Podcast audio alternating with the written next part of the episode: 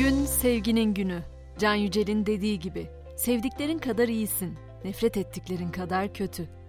Günlerdir aynı hislerde buluştuğumuz herkese bir kez daha merhaba. Ben Gizem. Podi ile akşam güncellenmeniz başladı bile. Kahramanmaraş merkezli depremlerin 9. gününde AFAD 10 ilde toplam can kaybının 31.974'e yükseldiğini duyurdu. 195.962 afetzede de bölgelerden diğer illere tahliye edildi. Bu diğer illere tahliye meselesiyle ilgili de şöyle bir sıkıntı var. Deprem sonrası çevre illerde kira fiyatlarında anormal bir artış gözlemlendi. Bazı ev sahipleri fırsatçılık yapmaya başladı diyebiliriz. Mesela Mersin'de, Akdeniz, Toroslar, Yenişehir ve Mezitli ilçelerinde bazı ev kiraları 20 bin liraya kadar yükseldi. Silifke ve Erdemli'de ise ev sahipleri kiraları yıllık peşin istemeye başladı. Yine de her şeye rağmen umudumuzu kaybettirmeyen haberler de var. Mucize kurtuluşlar da devam ediyor. Hatay'ın Antakya ilçesinde depremin 204. saatinde yabancı uyruklu bir kadın enkazdan sağ olarak çıkarıldı. Bu arada biliyorsunuz enkazda gönüllü çalışmak üzere Zonguldak'tan madenciler depremin olduğu bölgelere gitmişti. Enkazlarda canla başla mücadele edip vatandaşları sağ çıkarmak için uğraşan maden işçilerinin bir okulun tahtasına yazdığı "Kömür için değil, ömür için geldik" mesajı görenleri duygulandırdı. Tabi deprem bölgesinde hayatta kalanlar için artık belki de en önemli sorun barınma sorunu. Depremler nedeniyle ilk etapta ortaya çıkan geçici barınma ihtiyacının acilen giderilmesi için konteyner ev ve prefabrik yapı ihracatı 3 ay süreyle yasaklandı. Prefabrik yapı ve konteynerların depremden etkilenen 10 ilde afetzedelerle ilgili kurum ve kuruluşlara tesliminde KDV oranı yıl sonuna kadar %18'den %1'e düşürüldü.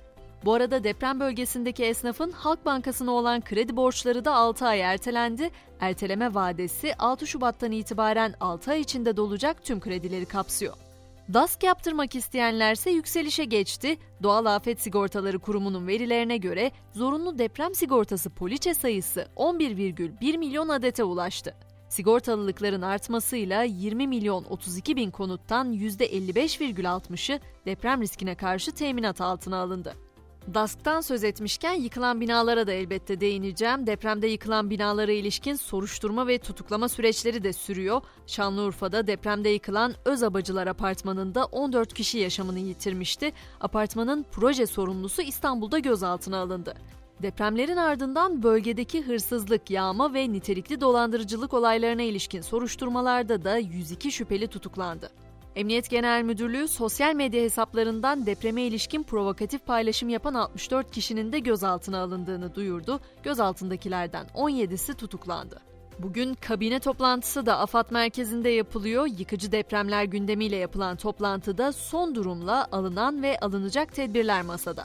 Hazır başkent gündemine gelmişken CHP'nin eski lideri Deniz Baykal'ın cenaze töreninden de söz edeyim. 84 yaşında hayatını kaybeden eski CHP lideri Deniz Baykal için parti genel merkezi ve mecliste tören yapıldı.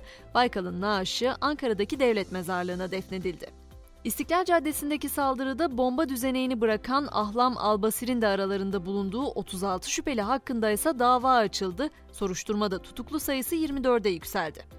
Son olarak NATO Savunma Bakanlarının bugün Brüksel'de Ukrayna ağırlıklı bir gündemle toplanmasından söz edeyim. Ukrayna Savunma Bakanı temas grubu da bugün ayrı bir toplantı yapacak.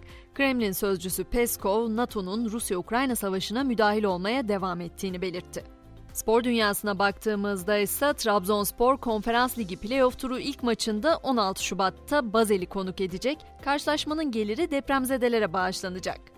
Şampiyonlar Ligi'nin bugün oynanacak son 16 turu ilk maçında ise Türkiye ve Suriye'yi vuran deprem felaketi nedeniyle saygı duruşunda bulunulacak. Bu akşam 23'te Milan'la Tottenham, Paris Saint Germain'le de Bayern Münih karşı karşıya gelecek. Ve güncelleni noktalarken sadece günün sevgi günü olduğunu bir kez daha hatırlatmak istiyorum. Dünyayı güzellik kurtaracak, bir insanı sevmekle başlayacak her şey diyorum. Yarın sabah 7'de tekrar görüşünceye kadar şimdilik hoşçakalın.